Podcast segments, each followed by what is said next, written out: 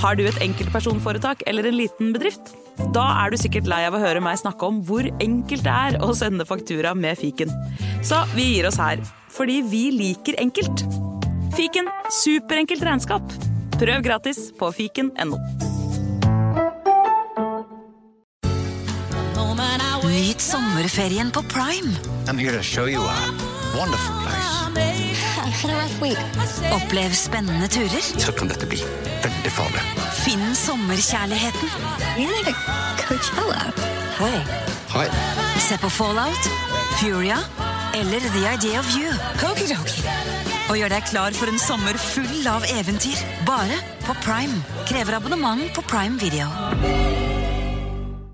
Klokka er sju om morgenen. Tirsdag den 9. april 1940. Det er en telefon som ringer. Det er hjemme hos banksjef Andreas Lund på Lillehammer. Andreas Lund tar telefonen, og den som ringer, er sjefen hans. Det er sentralbanksjef i Norge, Nikolai Rygg. Rygg forteller Andreas Lund at Norge er i ferd med å bli invadert av tyskerne. Nå gjelder det å få reddet Norges gullreserve. Så lett skulle det ikke bli. Gulltransporten. Den utrolige historien om hvordan Norge så vidt klarte å redde Norges gull unna tyskernes klør. Gulltransporten er en miniserie som tidligere har blitt publisert i Untold. Men ut mai vil du få tilgang til denne, samt en rekke andre miniserier og ukentlige episoder av Moderne Medias podkaster. Hvis du liker det du hører, bør du laste ned Untold, eller gå til untold.app for å starte ditt abonnement i dag.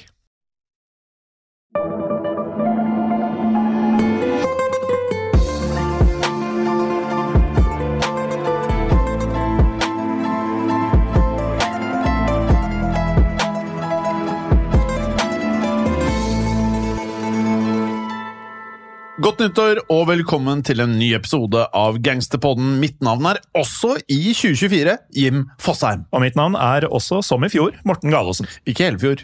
Nei, faktisk Store ikke. deler. Ja. Store Jeg, jeg skviste ut Fladseth i Ja, løpet av 2023, men har blitt vant til at uh, nå er det meg. Veldig bra. Vi kan jo starte med å si at denne episoden spilles inn i 2023. Ja. eh, men det betyr egentlig bare noe for oss. Ja, For- for, vi, vi ville gjerne ikke ha det der tidspresset rett etter nyttårsaften. Ja, Og så er det noen av oss som liker å ha det litt fredelig i romjula. Det er riktig, det. Så vi, eh, vi spilte inn en del før jul, men det er det jo bare vi som veit, egentlig. Ja, nå vet alle det, da. Ja.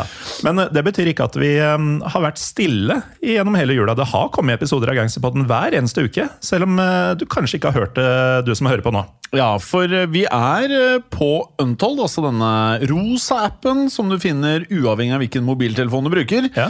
Uh, Der er Gangsterpodden, Historiepodden, Historiepodden andre verdenskrig, samlingen av Japan og Ukrainas turbulente historie, som er de fem podkastene vi har eh, sammen. Ja, og en utrolig mengde med andre podkaster som eh, ja, Ofte er du med i dem også, men noen av dem er ingen av oss med i. True Crime-podden, Henrettelsespodden, krisemøter Ja, mange, mange, mange mange andre. Det er så mye, og du nevnte jo at eh, man får tak i det uansett hva slags mobil man har. Jeg bruker jo Android-telefon, eh, og for å få Untold så gikk jeg i sin tid inn på Google Play Store, lasta ned Untold, den rosa appen, og um, registrerte meg. Ja, eh, Og du tok vel eh, de første 30 dagene gratis? Man får det, vet du, når man, ikke har gjort det før. Ja, eh, Jeg gjorde akkurat det samme, bare i AppStore, for jeg er jo Apple-bruker, og skrev Untold i søkefeltet, og da ble det fort ganske rosa der inne. Trykket download, eller last ned på norsk kanskje, og registrerte meg. Fikk, eh, jeg kjøpte et år, jeg, faktisk. Ja, Da får du enda mer gratis. Ja, da fikk jeg veldig mye gratis. Eh, Og så har jeg vært eh, Untold-bruker siden for å høre meg selv. Ja, Og de som verken bruker Android eller Apple, eller bare ikke liker å bruke de appene for å skaffe seg apper, så kan man bruke nettleseren, browseren, ja. og skrive inn untold.app og få tak i Untold på den måten. Morten, i senere tid så har vi eh, laget mye innhold om eh, den amerikanske mafiaen, spesielt fra New York og Chicago. Chicago. Og nå som eh, vi har kommet til et eh, nytt år, altså til 2024, så tenkte vi at eh, vi ønsker en eh, ny start med nye vaner. Ja, Det er jo ganske vanlig i januar, og et av våre nyttårsforsetter det er å ta flere turer ut av USA i denne podkasten. Og Derfor så skal vi til en helt annen del av verden i dag. Ja, og Vi har vært innom østeuropeisk eh, mafia tidligere. Og vi har snakket en del om albansk mafia, og så har vi vært en tur innom Serbia. Ja, Og så er det jo umulig å snakke om østeuropeisk mafia uten å snakke om Russland, som er den virkelig store mafiaen i denne delen av verden.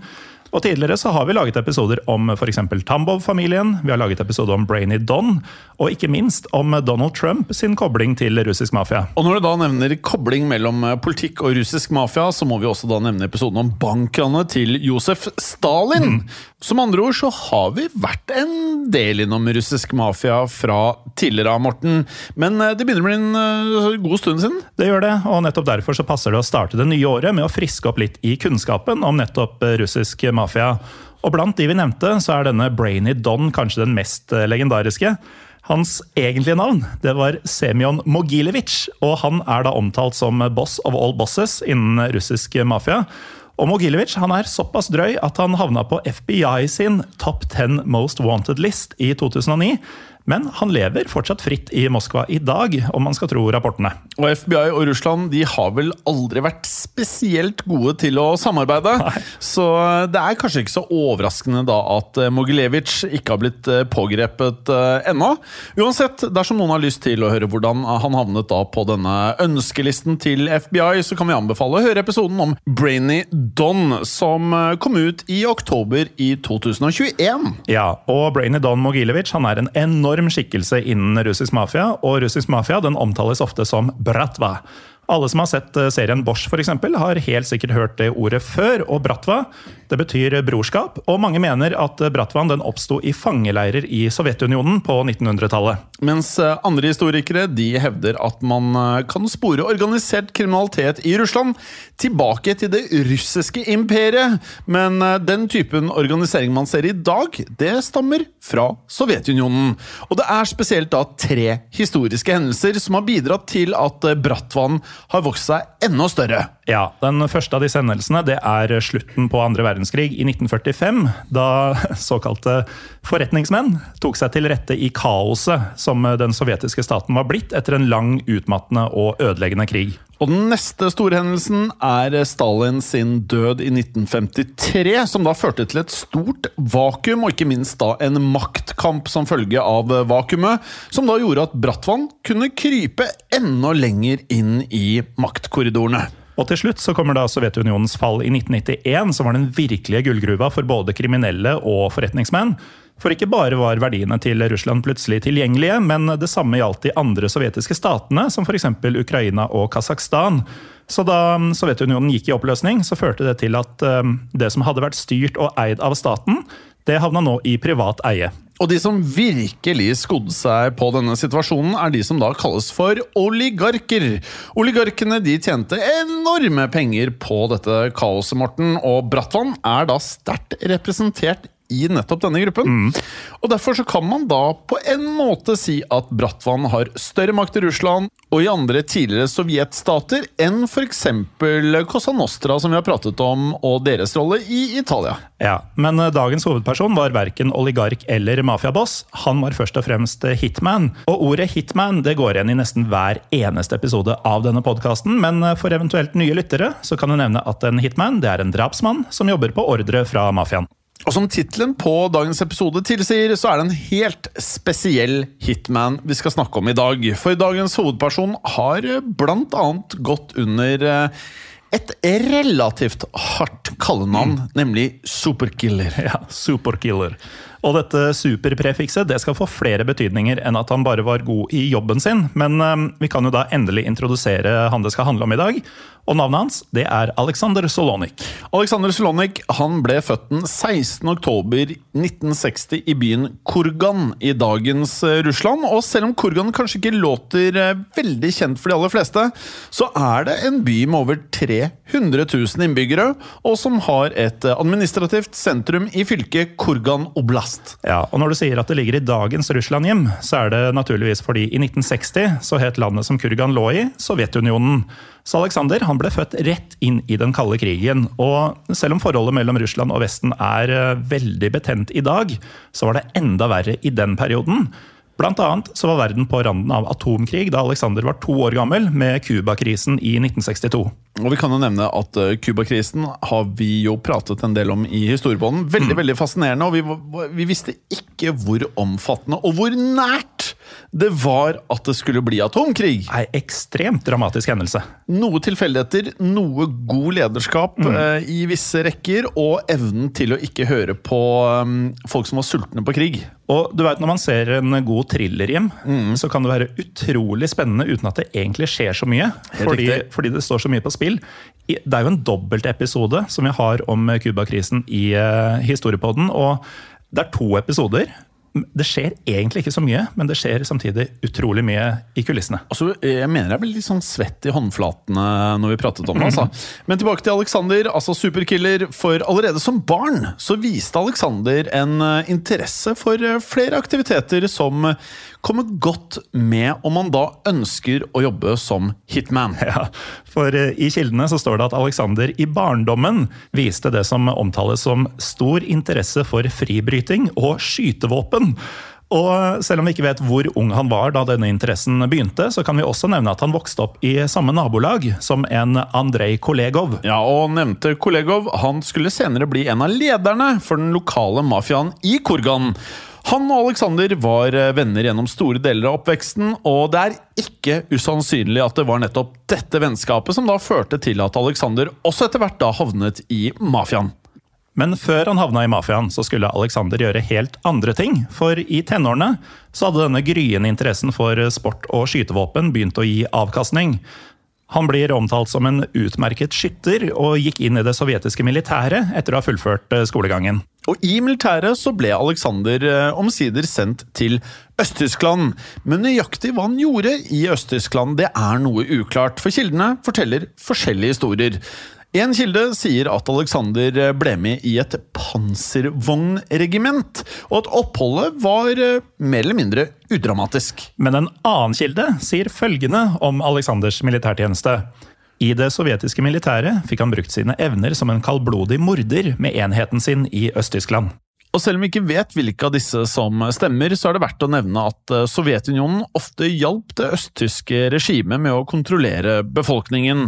Og Berlin var jo som kjent den kanskje aller viktigste byen for spionasje under hele den kalde krigen. Ja, og Vi kan jo bare ta kjapt litt om hvorfor Sovjetunionen er i Øst-Tyskland. For Vi nevnte jo at Alexander ble født i 1960, så når han er i militæret, så har jo Øst-Tyskland reist Berlinmuren, som eh, de i sin tid omtalte som en beskyttelsesmur mot eh, vestlig fascisme og den type ting. Så Øst-Tyskland var et diktatur som var på samme side som Sovjetunionen under den kalde krigen. Og en ting som kan støtte opp under teorien om at han utførte drap i denne perioden, er at det har blitt sagt, men ikke bekrefta, at noe av arbeidet som Alexander gjorde i Øst-Tyskland, det var å destabilisere forsvaret av nettopp Vest-Europa. Og dette skal angivelig ha innebært å ta livet av høytstående Nato-offiserer. Men igjen, dette har ikke blitt bekreftet. Og med det så kan vi gå litt videre, for etter at eh, militærtjenesten hans var fullført, så skal Alexander ha forsøkt å bli politimann. Noe som ikke gikk helt etter planen. For etter bare seks måneder med opplæring, så skal han ha blitt kastet ut av eh, politiskolen. Ja, og grunnen for utkastelsen den skal ha vært at han var for hardhendt med fangene. For en av kildene omtaler det som grusomhet mot fanger. Og grusomhet det skulle følge Alexander den neste tida, for eh, etter at han ble kasta ut av politiskolen, så tok Alexander seg en eh, dyster jobb. Ja, for nå begynte han å jobbe på en gravplass i Kurgan, og jobben han gjorde, det var å grave graver. Og en av kollegaene hans på denne gravlunden, det var den tidligere nevnte Andrej Kolegov. Ja, og bare som en påminnelse på hvem Kolegov var, så var det denne barndomsvennen som snart skulle bli en lokal mafialeder. Og For ordens skyld så har vi nå kommet til 1987, og Alexander er blitt 27 år gammel. Og vi sa da at ordet grusomhet skulle passe for den neste tiden i livet til Alexander. Og det stemmer, for i 1987 så ble Alexander anklaget for voldtekt. Og ikke bare ble han anklaget, han ble også etter hvert dømt til fengsel i åtte år for denne voldtekten. Ja, og Han ble dømt til tross for at Kolegov var blant de som vitna i rettssaken om at Alexander var uskyldig. Men Alexander han var ikke ikke spesielt interessert i å havne i fengsel. Så under et eh, slags fengslingsmøte så rømte Alexander. Og han rømte på svært dramatisk eh, vis, Morten. For eh, dette fengslingsmøtet det fant sted i tredje etasje på en offentlig bygning. Og da er det jo mange måter eh, man kan tenke seg at man prøver å rømme på. Eh, mange av disse måtene er jo å snike seg ut. Ja, men eh, Alexander han gjorde det på en helt annen måte. Han, han hoppet rett og slett ut av vinduet i tredje etasje. Og uten at vi helt vet hvilke følger dette fikk rent fysisk for eh, Alexander, så skal han ha vært i god nok behold etter hoppet til at det neste vi hører eh, om Alexander, er at han da tar seg til Sibir. Og vi må bare stoppe litt opp der, fordi å hoppe fra tredje etasje Altså, jeg bor i fjerde. Ja. Og når jeg er på balkongen min, så tenker jeg at hvis jeg hadde falt ut her nå, jeg hadde dødd. Ja. Og det er en offentlig bygning i Russland her. Det er grunn til å tro at tredje etasjen der er høyere enn eh, tredje etasje hos meg. Definitivt. Så um, det, det er godt gjort, dette her. Og jeg, jeg Google-mappa eh, avstanden fra byen han er i, Kurgan, til eh, der han havner i Sibir. Det er ca. 20 mil. Ja, det er et stykke. Så, men tenk deg det. Han eh, hopper ut av vinduet og klarer på en eller annen eh, måte da å komme seg videre helt til eh, Sibir. Det føles ut som en av Jason Bourne-filmene, dette her. Ja, og det skal bli mer Jason Bourne-aktig etter hvert. Men i Sibir så gjorde Alexander det han kunne for å holde seg skjult. Og blant dette så fjerna han en føflekk i ansiktet. Og han fjerna også en tatovering som han hadde på hånda, sånn at politiet skulle ha færre kjennetegn i jakta på Alexander. Men eh, ironisk nok så ble han etter hvert arrestert i nettopp en tatoveringssalong, etter flere måneder på rømmen. Men selv da om Alexander hadde blitt eh, dømt til åtte år i fengsel, og også da rømt fra politiet, så skulle han bare da sone i to år for dette her. Men disse to årene de skulle bli relativt tøffe, Morten. Ja, for eh, på et tidspunkt så fant de andre fangene ut at eh, Alexander hadde vært, eller i hvert fall prøvd å bli, eh, politimann. Og det er ikke populært i fengsel, Vedro. Det er ikke populært i det hele tatt. Nei, det er ikke det. Så han ble uoffisielt dømt til døden av medfangene. Og det blir hevda at Alexander måtte forsvare seg mot angrep ved flere anledninger. Du merker hvor dårlig vi hadde klart oss i alle disse situasjonene her. Ja, Det er ikke én situasjon så langt i dag som jeg tror jeg hadde klart meg ok i. Nei, fordi eh, mellom eh, innspilling av Historiepodden og Gangsterpodden her, så har vi spist eh, kransekake og julekaker. Det er der vi er. Det er det, og, det er utfordrende nå for oss. Men ved en av disse anledningene som han måtte forsvare seg, så skal Alexander ha slåss mot tolv medfanger samtidig. Og om dette er overdrevet, og la oss si det var seks samtidig Seks medfanger samtidig. Eller, to! Eller én! Det er fortsatt veldig, veldig imponerende. Og på denne måten da så fikk Alexander stadig større respekt blant de andre fangene, og det kan vi jo forstå. Ja, det er forståelig. Ja, jeg hadde, hadde jeg møtt en person som hadde klart å slåss med tolv mann samtidig. Jeg hadde gjort det du ba om. Tror jeg. Men vi sa, Morten, at Alexander han sonet kun to av de åtte årene han var dømt til. Men det var ikke fordi han fikk eh, slippe fri tidligere. Nei, det som skjedde, det var at Alexander han rømte igjen. Ja.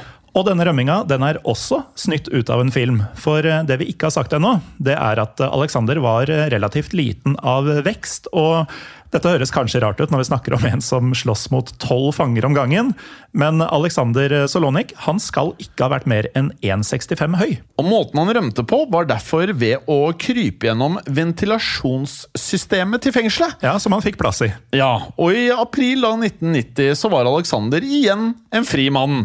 Men han var da fortsatt i Sibir, nærmere bestemt i byen Tymen. Og det var i Tymen at livet til Alexander Solonek virkelig skulle forandre seg. Ja, for bare noen måneder etter at han rømte fra fengsel, så skulle Alexander få sitt første oppdrag fra Bratvan. Og for dem så passa det perfekt at Alexander befant seg i Tjumen, midt i det mest forfrosne Sibir. For det var nemlig her at en av Bratvans fiender også oppholdt seg. Og uten at vi vet nøyaktig hvordan dette drapet ble gjennomført, eller hvem offeret var, så skal Alexander da ha utført sin aller første hit for Bratvan. Og dette skjedde da 3. juli i 1990. Og på mange måter så fremstår det kanskje litt rart at vi har nøyaktige datoen for når hiten ble gjennomført, men at vi egentlig ikke vet så veldig mye mer rundt det. Nei, det er litt eh, pussig der, for eh, som du sier, vi vet ikke hvem som ble drept, annet enn at eh, han skal ha vært involvert i en rivaliserende gruppe i Sibir. Men vi vet heller ikke hvem som beordra drapet, for kildene sier at det enten var en høytstående russisk mafiaboss, eller at det var mafiaen i hjembyen Kurgan. Og Noen av disse uklarhetene skal vi komme tilbake til senere. Men uansett hvem som sto bak, så utførte Alexander da sitt første mafiadrap. Og sannsynligvis hadde ordren da kommet fra Kurgan, ettersom det var i Kurgan at han skulle oppholde seg etter drapet. Så igjen så er denne barndomsvennen da Andrej Kollegov en viktig person i historien om Alexander, for Kollegov hadde nå blitt lederen for Kurgan-mafiaen. Men eh, kort tid senere så dro Alexander til Moskva sammen med noen ikke navngitte kolleger fra Kurgan. Og i Moskva så skulle Aleksanders karriere eksplodere, for her fikk han stadige oppdrag om å fjerne medlemmer fra rivaliserende grupper.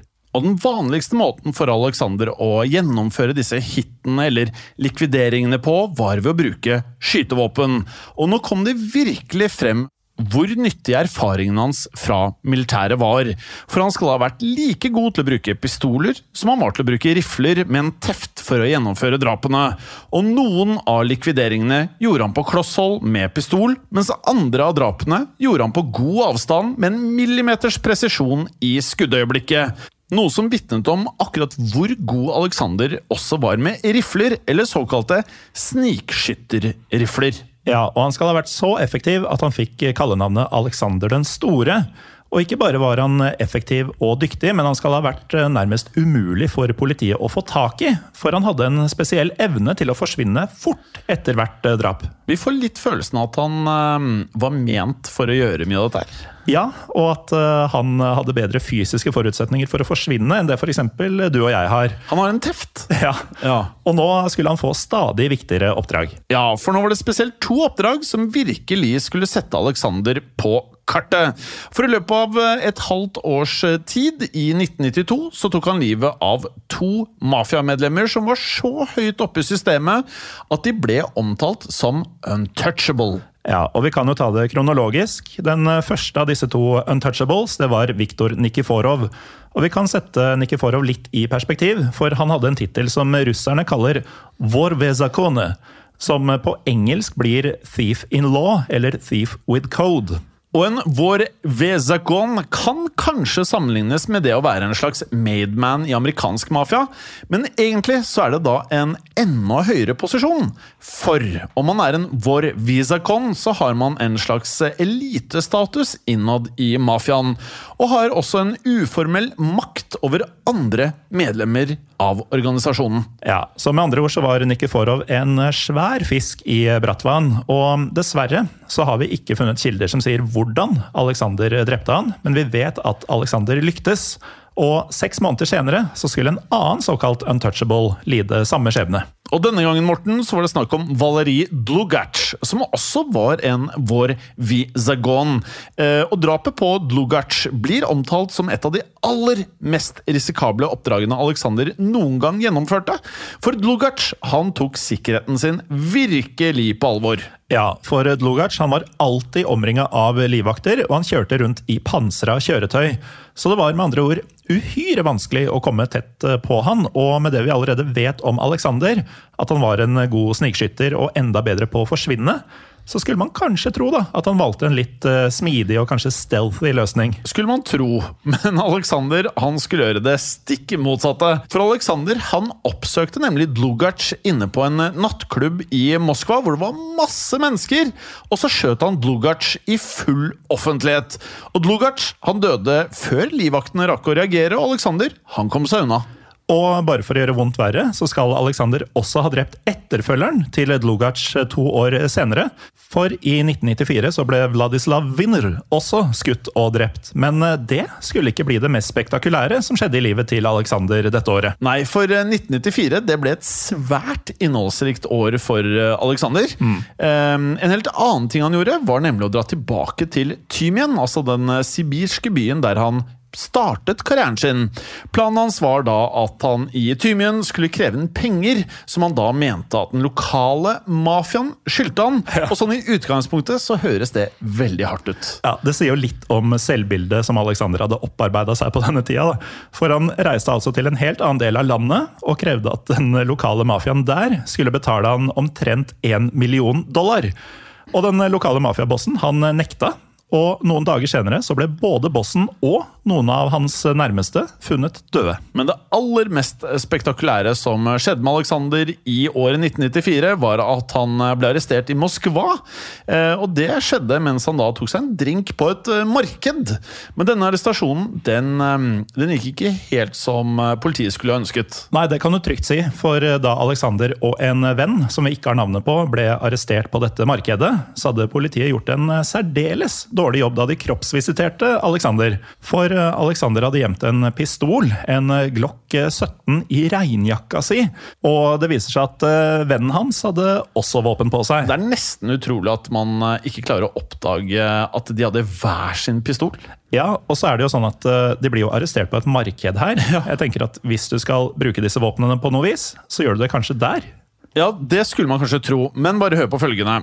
For det var først da de var inne alle sammen på politistasjonen at Alexander og vennen til Alexander da grep våpnene sine og åpnet ild mot politiet. Altså inne på politistasjonen. Og eh, de venter altså fra en ganske sånn uoversiktlig situasjon som det kanskje er lettere å rømme fra, til de er omringa av politi. Ja, Og så det mest utrolige av det hele er at Alexander og denne vennen de er i håndjern Ja. mens de åpner ild.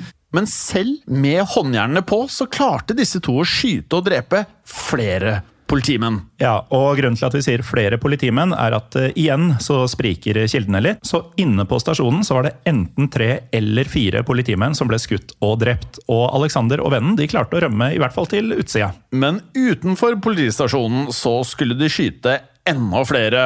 Og igjen så spriker kildene. For enkelte kilder de hevder at Alexander og vennen skjøt to politimenn utenfor, mens andre kilder sier at de drepte to sikkerhetsvakter.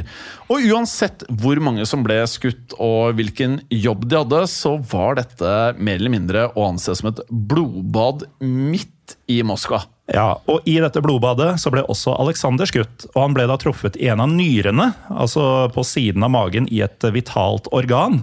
Men eh, vi kjenner jo Alexander etter hvert. Han falt ikke sammen av den grunn. Nei, på ingen måte, for eh, historien om eh, Alexander Solonek er ikke over. For selv med en kule i en av nyrene, så forsøkte Alexander å løpe fra politiet. Og vet du hvilken film dette minner meg om? Eh, nei, er det Jason Bourne igjen, eller? Nei, Rock'n'Rolla. Ja, ja, Altså. Guy Ritchie-filmen med um, disse to uh, tidligere sovjetstatssoldatene som Nekter å dø. Ja, Gerard Butler tror han har fått has på de flere ganger, og de bare fortsetter å løpe og gir seg aldri. Og de har vanvittig god kondisjon. Ja. Og så mye arr og skudd har de tatt imot at disse to soldatene de sitter og sammenligner arr og kutt på kroppen og lar seg imponere over dette. Og utrolig nok så klarte Alexander å løpe fra politiet over en liten periode, men han ble etter hvert overmannet, og til slutt så overga han seg også til politiet. Ja, og da ble Alexander hasta rett til fengselet, ettersom han måtte opereres for denne skuddskaden. Så senere, samme dag, så ble Alexander operert inne i et fengsel ved navn Matroskaja Tishina. Og dette er ikke et hvilket som helst fengsel, Jim. Nei, dette navnet det betyr noe sånt som sjømannens stillhet.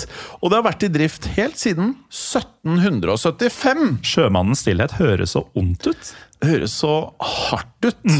Og det er da å anse som et føderalt høysikkerhetsfengsel, som aller først ble brukt som et galehus, som det het på den tiden.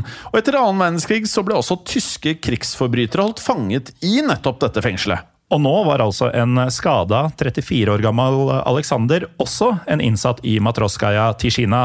Og på denne tida så hadde ingen klart å rømme fra fengselet noensinne i løpet av nesten 220 års drift. Og nå kan lytterne få lov til å gjette seg frem til om Alexander ble værende her eh, lenge, eller om han ikke ble værende spesielt lenge. Ja, Og svaret det kommer nå. Ja, For året etter at han havnet i fengselet, altså i 1995, så ble Alexander Solonik den aller første personen i hele historien som klarte å rømme fra Motroskaja Tichina. Og jeg kan jo bare nevne at um, i dag, i ja nå er det jo 2024, så er han en av tre gjennom historien som har klart det. Og så er det bare to siden den gang som har klart det.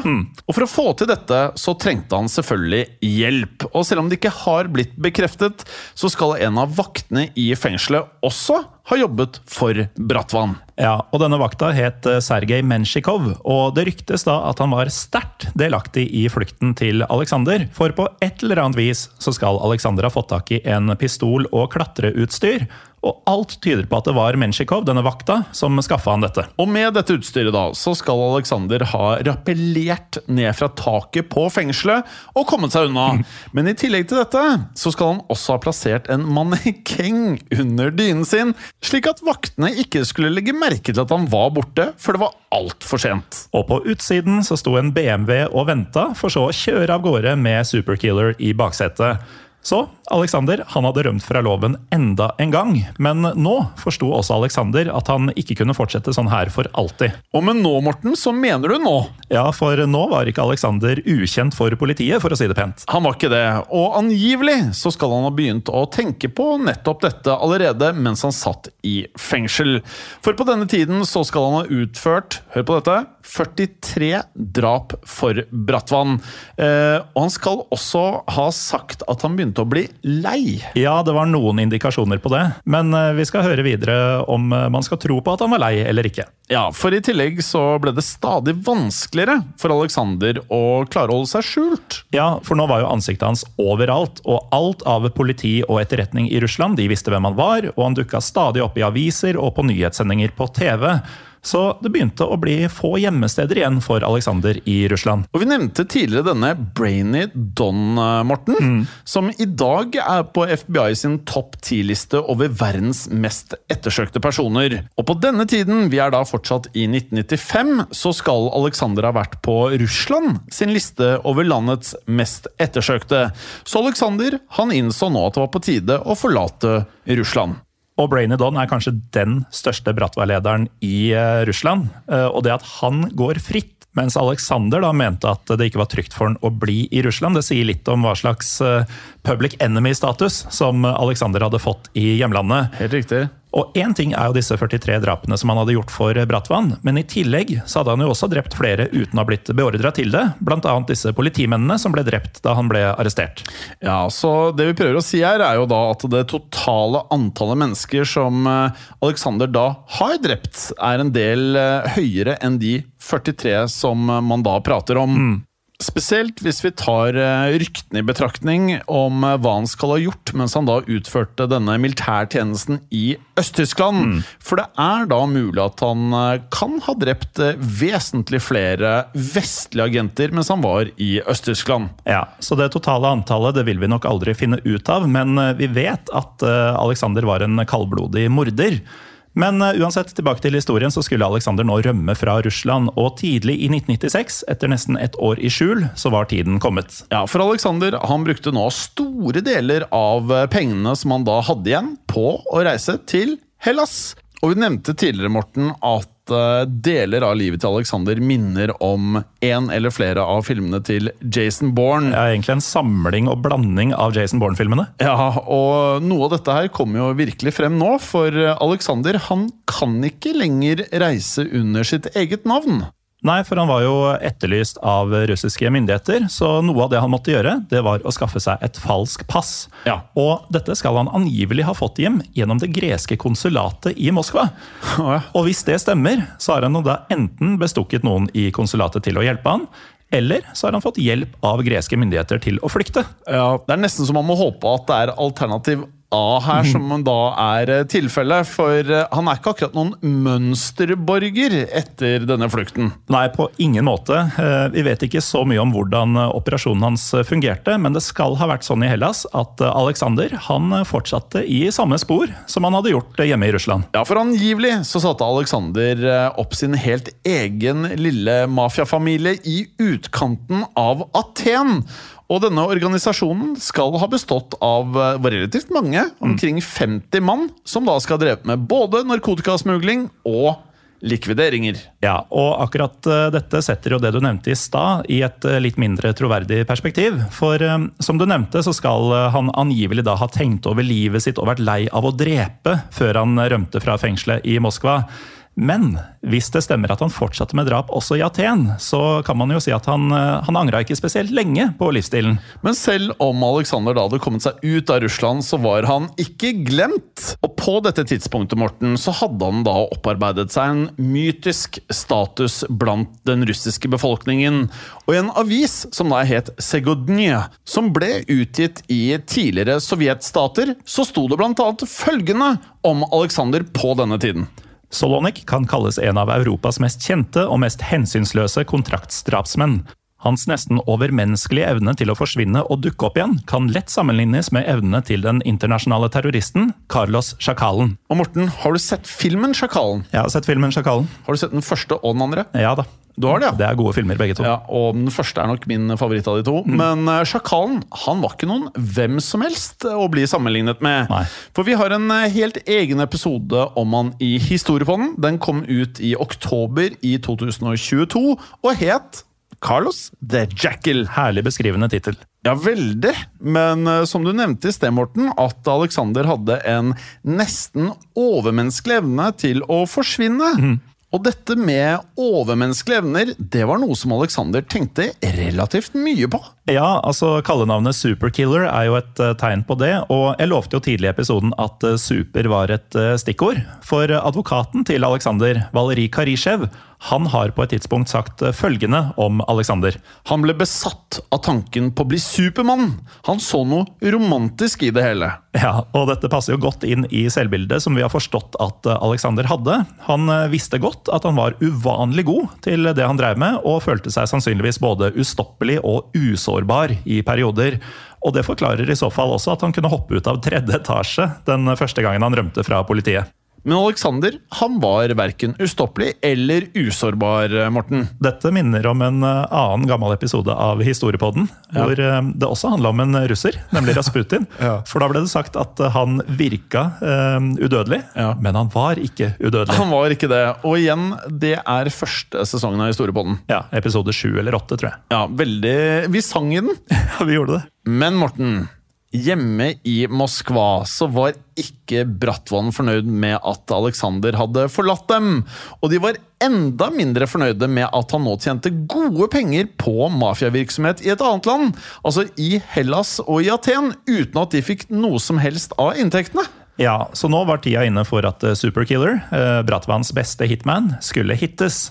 Og planen var da å sende en av Aleksanders nære venner fra tida i Russland for å gjøre jobben. Og det er noe vi kjenner igjen fra den amerikansk-italienske mafiaen også. Ja, Og utrolig mange filmer. Ja, og dermed så ble det sendt en hitman, og også da tidligere marinesoldat, til Aten. Denne mannen het også Alexander, nemlig Alexander Pustovalov. Eh, Men heldigvis så hadde også denne Alexander et kallenavn, Morten. Ja, og det var et meget enkelt eh, kallenavn, for Aleksander Alexander Pustovalov han ble bare kalt Sasha Soldat. Og i januar 1997 så ankom Sasha Soldat Aten. Og som du nevnte, så var Sasha Soldat en gammel venn Alexander, slik at eh, 30. eller 31. januar i 1997 så kom Sasha og en gruppe kolleger fra Kurgan på besøk til Alexander. Og når vi da sier 30. eller 31. januar i 1997, så er det rett og slett fordi kildene varierer mellom de to datoene. Uansett så eh, tok Alexander godt imot sine gamle venner. Ja, og Sasha og de andre gjestene de ble nok imponert over hva Alexander hadde fått til på kort tid. For i denne villaen som han bodde i, så hadde Alexander bl.a. badebasseng, basketballbane og også en liten golfbane. Og da må du ha en ganske bra hage, tenker jeg. Ja, jeg tenker det er størrelse da, altså. Og denne hagen var det også flere flotte skulpturer i. Og i tillegg da, så bodde Alexander der sammen med sin nye kjæreste, som var Svetlana Kotova. Og Svetlana Kotova hun var ikke noen hvem som helst, hun heller. Nei. For hun var nemlig tidligere vinner av Miss Russland. Så livet det smilte tilsynelatende til Alexander mens han bodde i Hellas. Men det skulle de ikke gjøre så mye lenger, for etter å ha hilst og også snakket sammen litt, så skulle Sasha Solat gjøre jobben som han hadde kommet for å utføre. Ja, Da Alexander på et tidspunkt snudde ryggen til Sasha, så trakk Sasha fram en tynn ledning som han surra raskt rundt halsen til Alexander. Og kort tid etterpå så var Alexander kvalt til døde. Altså, alt dette er Jason Bourne-filmer. Ja, Altså, det, det må jo lages en film om dette livet. Det er nesten rart. Hvis det er noen av lytterne som eh, vet om en film eh, kanskje som er laget på et annet språk enn engelsk om dette, her, så vil vi gjerne vite hva den heter. Um, uten at vi vet nøyaktig hva som skjedde, så tok eh, Sasha og de andre også livet av Svetlana. Men eh, det vi vet, er at de da utførte jobben på et profesjonelt vis. For det skulle ta politiet over to måneder før de fant liket til Alexander. Og ifølge greske medier så ble han da funnet 25 km utenfor Aten. Og da han ble funnet, så hadde ikke Alexander noen form for legitimasjon på seg. Men det gikk likevel fort å identifisere han som Alexander Solonik. Og da de fant ut hvem han var, så raida politiet også denne villaen til Alexander, der de fant det som blir eh, beskrevet som et arsenal av våpen. Og dette funnet det er nok for mange et tydelig tegn på at han da startet en helt ny mafiaorganisasjon da han kom til Hellas. Ja, For akkurat den delen har det vært litt usikkerhet rundt, men eh, det var altså ekstreme mengder våpen, og han hadde denne rikdommen eh, i huset. Et arsenal av våpen føles ut som mye våpen, men selv om liket til Alexander ble identifisert relativt raskt, så er det enkelte som da tror at han kanskje kan ha forfalsket sin egen død, og at han fortsatt lever i dag. Ja, Men akkurat det virker mer som et forsøk på å bevare denne myten om en mann som alltid forsvant sporløst, eh, mer enn det er en troverdig teori. Og ikke minst så passer det inn i historien om en eh, mystisk mann. For eh, tidlig i episoden så sa vi at det var uklart hvem som hadde leid inn Alexander for å utføre drapene. Og akkurat slik var det gjennom mesteparten av karrieren og livet til Alexander. Og han fortalte aldri hvem han jobbet for, eller hvem som betalte han. Han gjennomførte bare de likvidasjonene han ble betalt for. Ja, og det var ingen i Bratvann som gjorde den type jobb bedre enn det Alexander Superkiller Solokin gjorde. Men før vi avslutter, Jim, så må vi si litt om den politikarrieren hans, som aldri ble noe av.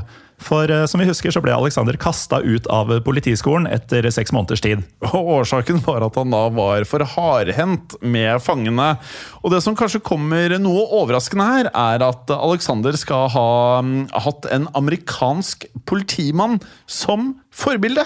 Ja, For amerikansk kultur det var ikke spesielt tilgjengelig i Sovjetunionen under den kalde krigen. Men likevel da, så skal den store inspirasjonskilden til Alexander den gang ha vært Dirty Harry. Den legendariske politimannen som Clint Eastwood spilte i flere filmer. Jeg føler ikke at jeg sier noe feil hvis jeg uh, sier at Dirty Harry også noen ganger var i overkant hardhendt med folk. Men uh, som vi har lært, så ble aldri Alexander Solonik noen politimann.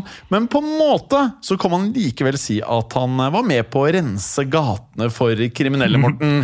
For de fleste som ble drept av Alexander, var tross alt med i mafiaen. Ja, så på sett og vis så gjorde han det han hadde ønska å gjøre som politimann, bare på feil side av loven. Men uh, uansett så er Alexander Solonik en mann som virkelig levde opp til kallenavnet sitt Superkiller. Og i den forbindelse, Morten, så har vi da valgt ut låten Psycho Killer av bandet Talking Heads som ukens gangsterlåt. Kanskje ikke overraskende for mange. Nei, det kunne også vært en Public Enemy-låt Det vi valgte denne uka. Ja, vi, eh, men vi gikk for denne, da. Og vi legger den som vanlig i spillelisten vår, som ligger på Spotify og heter Gangsterpodden. Ja, og dersom du nå hører på podkasten Gangsterpodden i Spotify, så vit at eh, hvis du vil høre oss igjen neste uke og uka etter det og uka etter det, så trenger du Untold.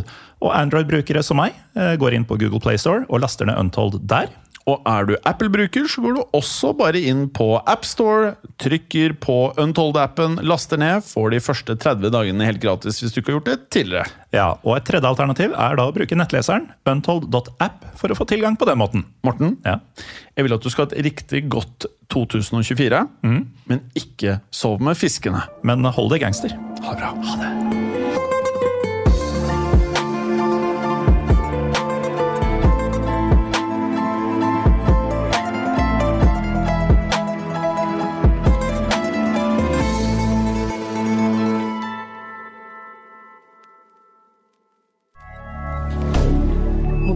Media.